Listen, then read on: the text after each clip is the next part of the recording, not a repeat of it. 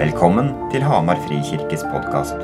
Vår visjon er å følge Jesus, dele evangeliet, samle generasjonene og bygge nye fellesskap.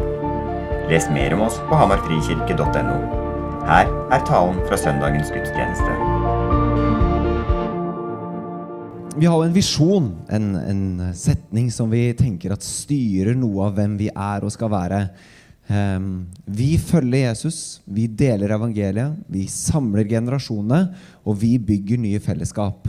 Det er det vi er, og det er det vi ønsker å strekke oss mot å være. Um, vi følger Jesus som første ledd. Vi gjør det fordi vi tror og bekjenner at Jesus er herre og konge. Han er konge i Hamar, i Norge, i verden, selv om verden ikke tror det eller bekjenner det. Eh, og at vi ved Jesu død og oppstandelse har fått nytt liv. Vi har fått synstilgivelse, vi har fått fred med Gud, og vi har også fått inngang i et rike som er et annerledes rike, et opp-ned-rike, Guds eget rike. Og vi forsøker etter beste evne å gå den veien Jesus vil at vi skal gå, når vi følger Han. Um, og når vi går den veien, så går vi med Jesus som Herre, dvs. Si at Han leder. Han er konge. Han går foran. Men når Jesus går, og vi følger, så er Jesus også ved siden av oss, bak oss, rundt oss, foran oss. Han er ved vår side når vi går på den veien i forsøket på å følge etter han, hvor han holder oss oppe, han styrker oss, han bærer, og han gir nåde. Evangelisten Johannes han sier i, i kapittel 17 at det evige liv er å kjenne deg, Gud, og Han som du har sendt, din sønn. Det evige liv er ikke noe som starter når vi dør. Det evige liv er noe relasjonelt. Det er knyttet mot å kjenne Han som vi tror på og bekjenner. Og når vi følger, når Jesus får bære, så får vi mulighet til å kjenne. Vi får mulighet til å kjenne Gud litt mer dag for dag. Og vi kan erfare evig liv nå. Ikke som noe som skjer etter døden, men vi får erfare liv nå. Fordi han som er livets opphav, han som har skapt alt, han som er kilden, han får vi kjenne nå. Det evige liv er noe her og nå. Paulus han sier det på den måten her i andre Korinterbrev, når han måte, gir et språk for hvordan og hva som skjer når vi kjenner Gud. Eh, han sier det i andre Korinterbrev, kapittel 3, fra vers 16. Når de vender om til Herren, dvs. Si, omvendelse, velger Jesus som herre og konge, eh, så blir sløret tatt bort. Dvs. Si at vi ser Jesus klart. Herren, det er Ånden. Legg merke til treenigheten i det. Herren, det er Ånden. Og hvor Herrens ånd er, der er frihet. Og vi, som uten slør for ansiktet ser Herrens herlighet som i et speil, vi blir alle forvandlet til det bildet. Fra herlighet til herlighet. Og dette skjer ved Herrens ånd. Når vi følger, så blir vi forvandla. Når vi kjenner, så blir vi forvandla. Når vi tror, søker, prøver å gå på den veien, så blir vi forvandla til å bli litt mer lik Jesus dag for dag. Og den Jesus er, skinner gjennom oss og i oss litt mer dag for dag. Og så må vi legge merke til følgende ord. Når vi ser skal vi se, Og vi, som uten sjø for ansiktet, ser Herrens herlighet som et speil, vi blir alle forvandlet. Og Her kommer vi inn på dagens tema. Det er et vi i det der. Og jeg, For dere som er her første gang, dere kommer til å høre meg si dette stadig vekk. Bibelen snakker ikke, eller svært sjeldent, til individet. Den snakker stort sett alltid til et kollektiv. Vi. Det er et vi, et kollektiv, et fellesskap, som er grunntonen i Bibelen. Poenget er vi er ikke ment å følge alene. Vi følger Jesus handler om fellesskapet. Og det er det jeg skal snakke om i dag. Det gir ikke mening å følge Jesus alene. Um, og det gir heller ikke mening å følge Jesus med kun de som du er lik, eller som du liker. Det er alltid et kollektiv, og det er alltid et kollektiv av mennesker som er ulik deg selv, som ikke snakker samme språk som deg, som tenker ulikt, som stemmer ulikt, som liker andre ting. Og det er ikke sikkert de liker deg engang. Eller du liker dem. Kanskje.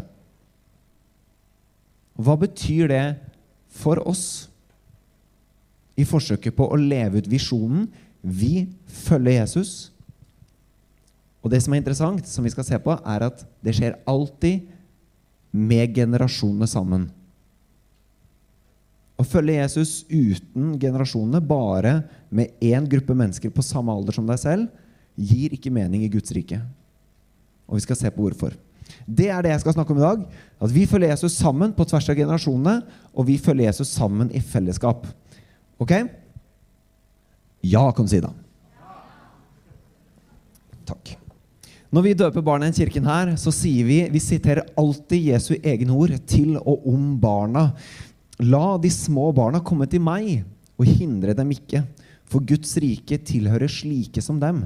Det sier vi hver gang vi døper i den kirka her.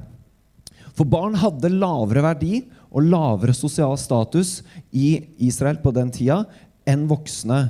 Um, og det Jesus gjør, er at når han sier 'la de små barna komme til meg og hindre dem ikke', så løfter han barns verdi opp og setter den lik de voksnes og sier alle aldre, mennesker i alle aldre, har lik verdi og bør ha lik sosial status i Guds rike. Det er derfor et klart kjennetegn på Guds rike når generasjonene anerkjenner hverandres verdi, ikke bare i teorien, men i praksis. Det er veldig enkelt å si barna er viktige for oss, men hvordan ser det ut i praksis? Det er veldig viktig å si at de eldre er viktige for oss. Hvordan ser det ut i praksis? Det er ikke et kjennetegn hvis vi sier det, men ikke lever det ut. Ikke sant? Så et kjennetegn på Guds rike er når generasjonene anerkjenner hverandres verdi, bærer og oppmuntrer hverandre og lever det fellesskapet sammen. Profeten Zakaria han sier i Skal vi se I eh, kapittel 4, i vers 6, så sier han han skal vende fedrenes hjerter til barna og barnas hjerter til fedrene. Det er det siste verset i Det gamle testamentet. Og det siste løftet i Det gamle testamentet. At fedrenes hjerter skal vendes til barna, og barnas hjerter skal vendes til fedrene. Det er veldig interessant at når jødene i det gamle Israel satte sammen Bibelen, Det gamle testamentet, den hebraiske Bibelen, så lot de det stå til slutt. Det er et løfte og et tegn på det som skal komme. Det vil si at når vi, når fedrenes hjerter, altså de voksnes hjerter, er vendt mot barna, og barnas hjerter er vendt mot fedrene, så er det et tegn på at Guds rike skjer her og nå. Og hvis det ikke skjer, så er det et tegn på at Guds rike ikke er. Derfor er tredje ledd i vår visjon vi samler generasjonene. Fordi vi mener at dette er så viktig. Vi trenger hverandre på tvers av generasjonene. Det er helt konge å se at det er kaos når unga kommer inn hit i dag, og vi må drøye oppstarten i fem minutter fordi vi må få registrert barna. Det er kjempegøy. Håper jeg at du syns. Men det er ikke gøy å bare se dem og ha dem her. Fordi det er sånn det skal være. Men jeg håper at dere faktisk opplever at det er gøy å være sammen med barna. Sjøl om ja, Samme hvor gammel du er, da. Når fellesskapet kommer sammen, så er alle like viktige. Det tror vi på. Men når det kommer til det å bygge menighet og det å lede menighet, så tror vi at alle vinner når de unge har det bra. Og Nå skal jeg holde tunga rett i munnen. Menigheten vinner ikke hvis kun de voksne har det bra. Og Det er altfor mange menigheter, og dette ser jeg uten et stikk til hvordan andre gjør det. Og jeg sier det ikke som et skryt av hvordan vi eh, Som en sånn hovmodig, arrogant eh, bekjennelse av hvordan vi har det. Men det er litt for mange menigheter som sitter og venter og ber om barn og ungdom fordi de vil det, men de er ikke villige til å gjøre i praksis det som kreves for at de unge skal vinne. For når de unge vinner, så vinner alle. Det er litt for mange menigheter som går dukken fordi neste generasjon ikke vant, og så går det nok tid, og så sitter du der, en gjeng over 60 eller 70, og så er det ingen igjen. Det er litt for mange menigheter i Norge som legges ned årlig pga. det. Og tro meg, det legges ned mange menigheter i Norge hvert år. Vi legger ned flere menigheter i Norge enn det startes nye menigheter i Norge. Så totalen i Norge er at antall menigheter går ned. Det er derfor vi skal bygge nye fellesskap, som er siste ledd i vår visjon. Ungdom, barn, ungdom og unge voksne er og kommer til å være et satsingsområde i den menigheten her. Og så må vi finne ut av hvordan det skal se ut. Og det er en av grunnene til at vi har flytta nattverden til starten. Fordi tilbakemeldingene er at flyten av at barna kommer opp igjen til nattverd på slutten av gudstjenesten, funker ikke så bra for barnefamiliene. Derfor så flytter vi nattverden til starten. Det er et helt praktisk valg for å favne barna og så gjør vi noe som en god luthersk teolog ville skreket av. Nemlig å ikke la nattverden skje til slutt. Um, så, så, det gjør litt vondt i hjertet mitt som luthersk teolog, men uh, jeg er villig til å gjøre det, for å si det sånn. Vi skal jobbe hardt for at barna skal oppleve seg, barn og unge, ungdom, unge voksne skal oppleve seg sett og verdifulle. Men vi skal også jobbe hardt for at vi som ikke er barn, ikke skal oppleve at vi havner i bakevja. For vi skal ikke ofre den voksne eller eldre generasjon for barna. Men vi skal vise at barna, når de vinner, så vinner alle. Der er en balansegang som vi hele tida må jobbe med. Hjelp oss med det. Så Hvis du som voksen eller gammel sitter og sier, sitter med en opplevelse at nå havner vi i bakevja, nå, nå, opplever ikke jeg meg viktig, så vil jeg ha beskjed om det. Men jeg kommer til å la barna vinne. Og de ungdommene, unge voksne, vinne i denne menigheten her. Hvis du syns det er bra, så kan du si ja. Eller amen. Eller et eller annet. Yes. Takk, Monica. Jeg vil påstå at ansvaret for at det skal skje, ligger på oss som er voksne. Uh, ungdom, uh, ja kanskje, unge voksne, voksne eldre. Det er vårt ansvar. Vi kan ikke forvente at barna skal la den kulturen skje. Så det er vårt ansvar, som kanskje sitter her nå, for at det skal skje. Okay? Så vi bærer det ansvaret sammen. Um, og så er det én ting jeg har lyst til å si der, og det er En av måtene å la de unge vinne, er at vi Nei, dere. Jeg er ikke gammel nok til å inkludere meg. Men dere som er litt eldre enn meg, da, godt voksne, eldre mennesker. Ungdom lengter etter fellesskap med dere. Det er et skrikende behov i Kirke-Norge etter det vi på kristent språk kaller åndelige fedre og åndelige mødre. Vi har masse forskning som bekrefter at ungdom trenger kristne forbilder som ikke er foreldrene sine. Og ikke bare forbilder, de må ha de tett på. Så Derfor gjør vi mentoring i den kirka her, hvor vi kobler unge og eldre sammen i én-til-én-relasjon. Men dere som er eldre, dere må tro det. Dere må tro at dere er ønsket. Fordi det er sant. Ikke legg deg bakpå og la de unge ta over greiene. Ikke, ikke, ikke, tro at du er utdatert bare fordi du er pensjonist, for du er ikke utdatert. Du er kjempeviktig for ungdom og unge voksne. Dette snakkes det heldigvis mer og mer og mer om, men vær så snill, ikke tro at du er utdatert bare fordi du ikke er ung og fresh lenger. For det stemmer ikke. De unge vil ha fellesskap med deg som er godt voksen. Og den lengselen der, som ungdom og unge voksne kjenner på, det er Den hellige ånds hjerteslag i kirken som banker. Hør det hjerteslaget fra Den hellige ånd. At de unge og de eldre hører sammen. Det er ikke alltid vi klarer å lage så sinnssykt kule gudstjenester som favner alle. Men vi hører sammen i relasjon. Over middagsbordet, over kirkekaffen, i mentorrelasjonen. Når vi kjører til butikken, når vi snekrer et eller annet annet rart, eller spiller frisbeegolf, eller drikker te. Vi hører sammen. Det betyr at vi må tåle hverandre. De unge må tåle når vi synger en salme som har kanskje litt vanskelig språk og ikke svinger så sinnssykt mye. Og så må vi andre tåle når det er litt trøkk i lovsangen. Ikke sant? Det å finne den balansen der krever noe av alle. For at vi skal være et fellesskap på tvers av generasjoner.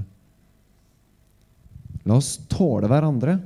La oss romme hverandre. La oss samle generasjonene.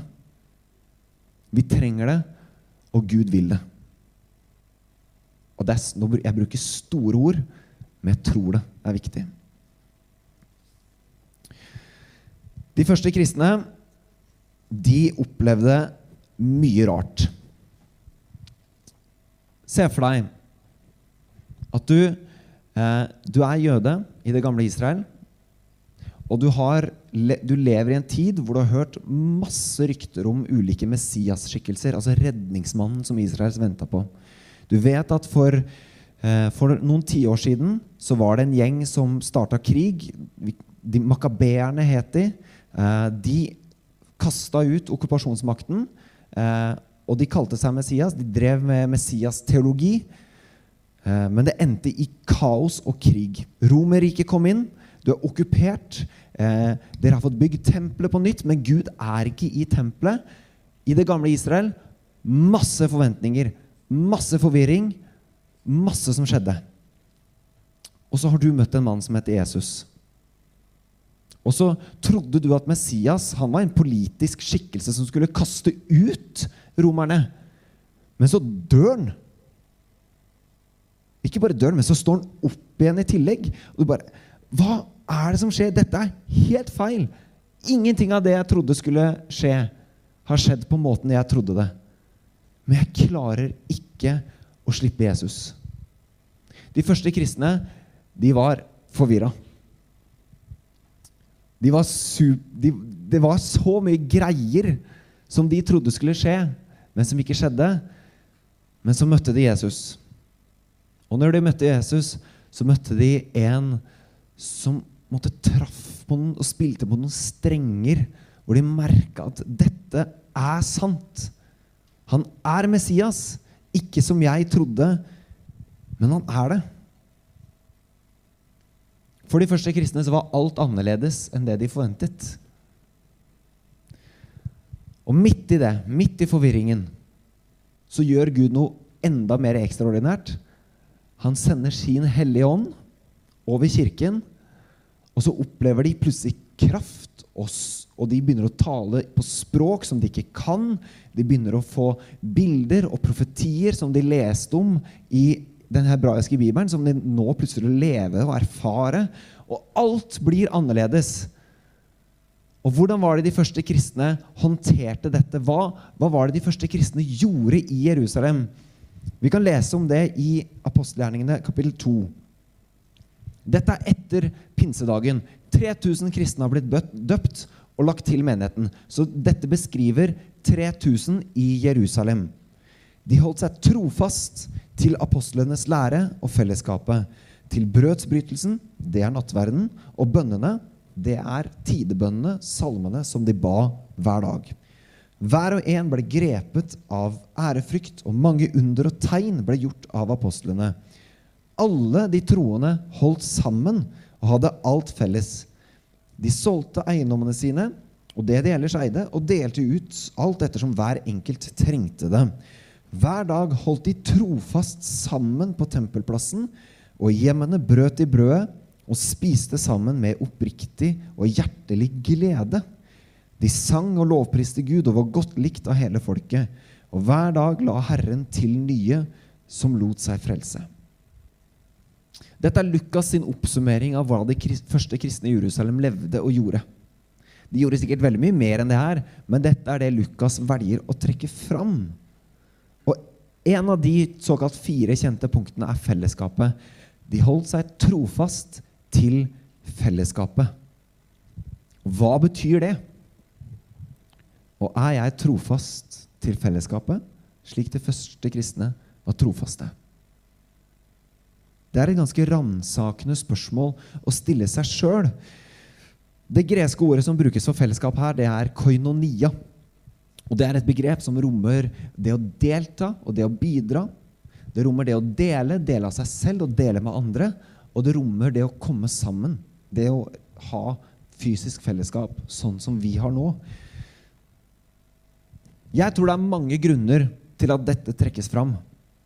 At de holdt seg trofast til fellesskapet. Fordi de hadde opplevd den der livsforvandlende erfaringen. Alt jeg trodde kom til å skje, skjedde på en helt annen måte enn jeg trodde. Jeg har fått Den hellige ånd, så når jeg ber, så, så, er det noe som skjer i meg. Det er liv, og det er kraft. Jeg romerne de holder fortsatt på og banker opp og, og okkuperer og driver med krig. Hva er greiene? Og midt i det så står det de holdt seg trofast til fellesskapet. Jeg tror at de første kristne trengte hjelp til å forstå, til å lære og til å sette ord på alt de hadde opplevd. For det var så totalt livsforvandlende og annerledes enn det de trodde. De trengte hjelp til å sette ord på det de erfarte. Og samtidig så var de en veldig tydelig minoritet. Majoriteten i Jerusalem var jøder som ikke bekjente at Jesus var Messias. De var okkupert av romerne som tilba forskjellige guder og drev med avgudsdyrkelse. Og ikke bare det, men de bekjente at keiseren var Guds sønn og konge, ikke Jesus. De første kristne, selv om de var 3000, så var de en veldig tydelig minoritet, omgitt av en majoritetskultur som var veldig annerledes enn det de trodde på. Det ligner ganske mye på min virkelighet i dag. Når jeg ser rundt meg, når jeg ser på vennene mine, når jeg ser på politikken, når jeg ser på det som skjer i samfunnet rundt meg, så kjenner jeg dette er veldig annerledes enn virkeligheten jeg tror på. Og så ser jeg rundt meg, og så ser jeg at majoriteten av mine venner eller at mitt nettverk, av min familie, de tror ikke det samme som meg. Så er en minoritet også blant de jeg har kontakt med. Vi er en minoritet som kommer fra en majoritetsposisjon. Bare for å si det vi må slippe taket på den majoritetsposisjonen og gi opp forsøket om å gjenskape Norge som en kristen nasjon. Og det er utfordrende. Det betyr ikke at ikke skal, norm, nordmenn ikke skal være kristne. Men vi må gi opp forsøket. For når Kirken begynte å skli ut, det var da den fikk politisk og nasjonal makt. Så jeg mener det, det, Dette er veldig forenklet, men jeg sier det. Og jeg mener det. Vi må slutte å forsøke å gjenskape Norge som en kristen nasjon. Og så skal vi begynne å bygge Guds rike i Norge nedenfra, unnenfra. Vi må, vi må ta eierskap i det at vi er en minoritet, omgitt av en majoritetskultur som tenker veldig annerledes enn oss. De første kristne levde i den virkeligheten.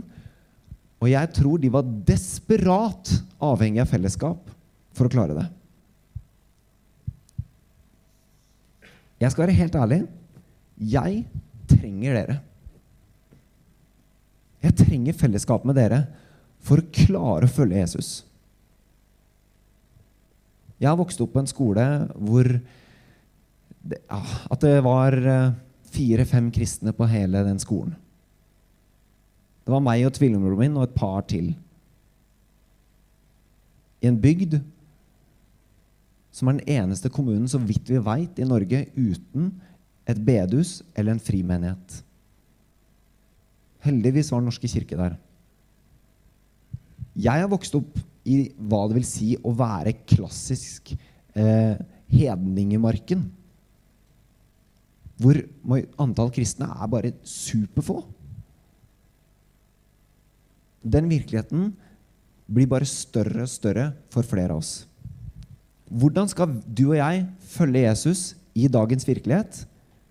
Jeg tror vi trenger å bli desperat avhengig av hverandre, av fellesskapet.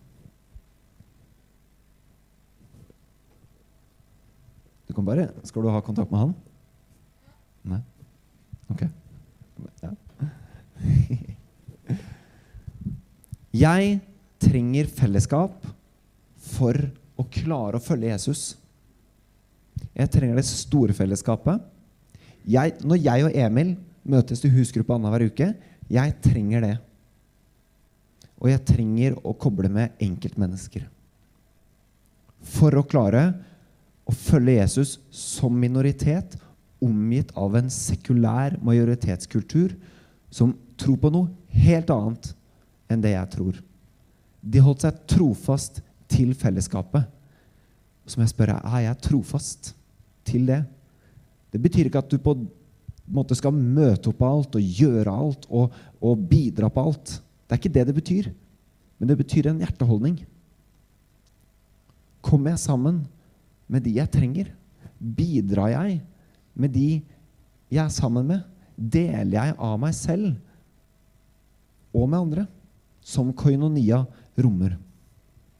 Vi er familie. Og Peter, apostelen Peter, som svikta Jesus, han sier det slik i sitt første Peters brev. Vis alle ære. Elsk søskenfellesskapet. Frykt Gud. Gi keiseren ære. Elsk søskenfellesskapet. Det er Kirken. Øyvind Fjellestad, som var pastor her tidligere, eh, han skriver alltid i sine mailer 'Hei, bror'. Altså, men du er, du er, 70 år, jeg har nettopp flytta hit og begynt å jobbe her. Jeg skjønner ikke. Og så bare begynte det å gå opp for meg at han, han lever det. Jeg er bror for han, selv om han ikke kjenner meg.